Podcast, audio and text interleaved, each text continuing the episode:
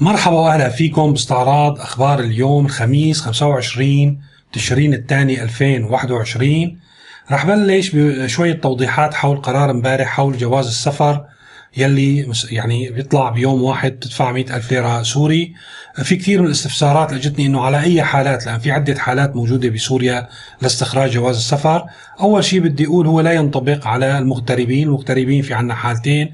العادي طبعا يلي أهله ممكن يقدموا له إياه أحد أقاربه أو آه، وكيل آه، قانوني. ممكن آه، يحصل على يعني العادي ب 300 دولار والمستعجل ب 800 دولار. هذا ما له علاقة يعني القرار طلع امبارح ما له علاقه بهالحالتين هلأ في الحالتين الثانيات يلي المواطن السوري داخل سوريا بده يطالع أو يجدد جواز سفر.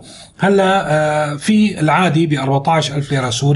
لازم يدخل على الموقع يلي آه، هذا هيك اللي صار. الموقع يلي تم الإعلان عنه راح أرجع أحط لكم الرابط تبعه لحتى تحجزوا آه، موعد وتدفعوا الرسوم المقررة. هلا المستعجل ما ضل في 30 أو يمكن 35 ألف ليرة سوري صار 100 ألف ليرة سوري. فاذا القرار هو عبارة عن رفع الرسوم المستعجل. بحجة إنه بده يطلع بنهار واحد هذا كان ياخذ له كم يوم. ما بعرف إذا بيصدقوا بيطالعوه بنهار واحد. يعني هذا فينا نقول إنه هو أعجل من المستعجل القديم. هلأ آه بيطالعوه بنهار ما بيطالعوه بنهار مثل ما ذكرت. هذا الموضوع الحقيقة ما, ما عندي أي ضمانات لهالقصة. لازم نشوف بكرة من خلال الممارسة إذا في شكاوي حول تأخر هذا الجواز. طبعا بنرجع بنذكر إنه كان في أزمة كبيرة بجوازات السفر خلال الفترة الماضية. بلشت من تموز ولم تنتهي ببداية تشرين بداية تشرين الثاني؟ والحقيقة كان مثلا مستعجل أثناء الأزمة بيطول شهر.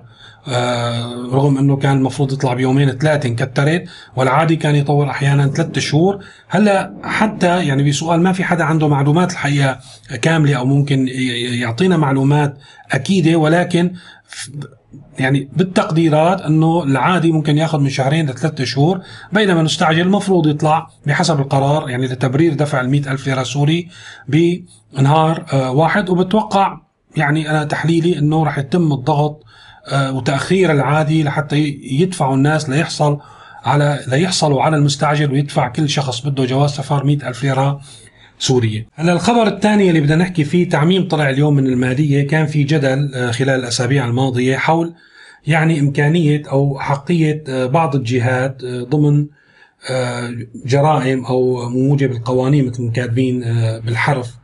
قوانين والأنظمة النافذة لحماية المال العام أو القوانين والأنظمة النافذة المتعلقة بمكافحة غسل الأموال وتمويل الإرهاب أنه يلقوا الحجز الاحتياطي مو على الأملاك حتى على الأموال اللي داخل المؤسسات المالية أي المصارف.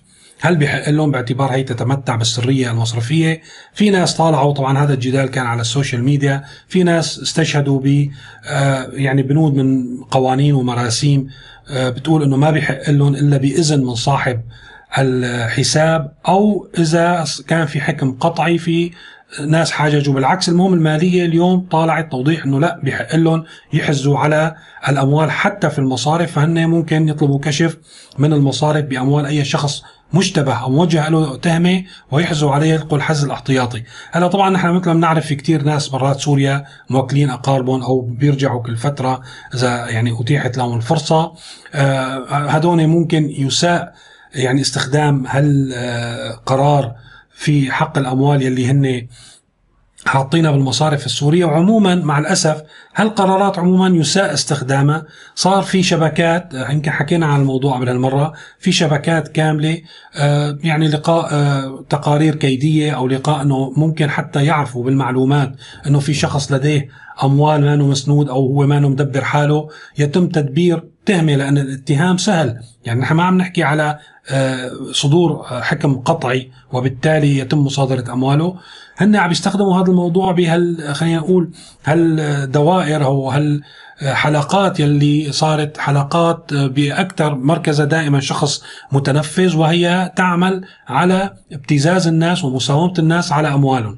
يعني هن بدبروا له تهمة أو بيوجهوا له تهمة ما بالضرورة إنه توصل ولكن ممكن تاخذ فترة طويلة بإجراءات التقاضي هو يكون تحت التهديد.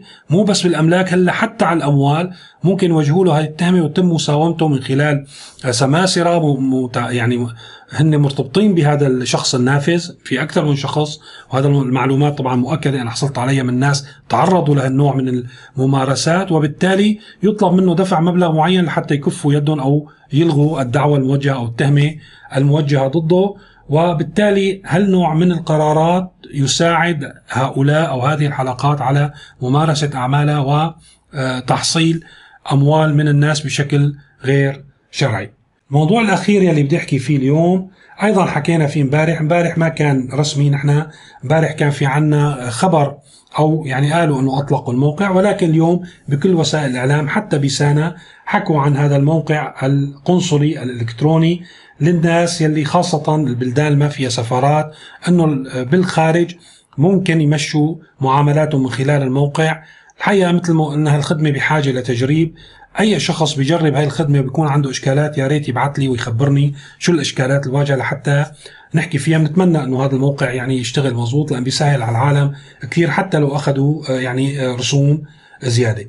هذا كل شيء اليوم ما بدي أطول عليكم. كان في تسجيل أول شوي طويل. حكيت فيه على موضوع الماء آه، الحقيقة موضوع مهم جدا. بده يصير في تضييق على الناس بموضوع الماء لا يا ريت تشوفوه. يلي بده يشوف أخبار أكثر شو صار تطورات واللي بده يعرف لحظة بلحظة شو عم بيصير بسوريا. يتابع موقع سيريا نيوز وشبكات التواصل المرتبطة فيه. مثل العادة رح أحط لكم رابط التليجرام بصندوق الوصف. وشكرا لمتابعتكم وإلى اللقاء.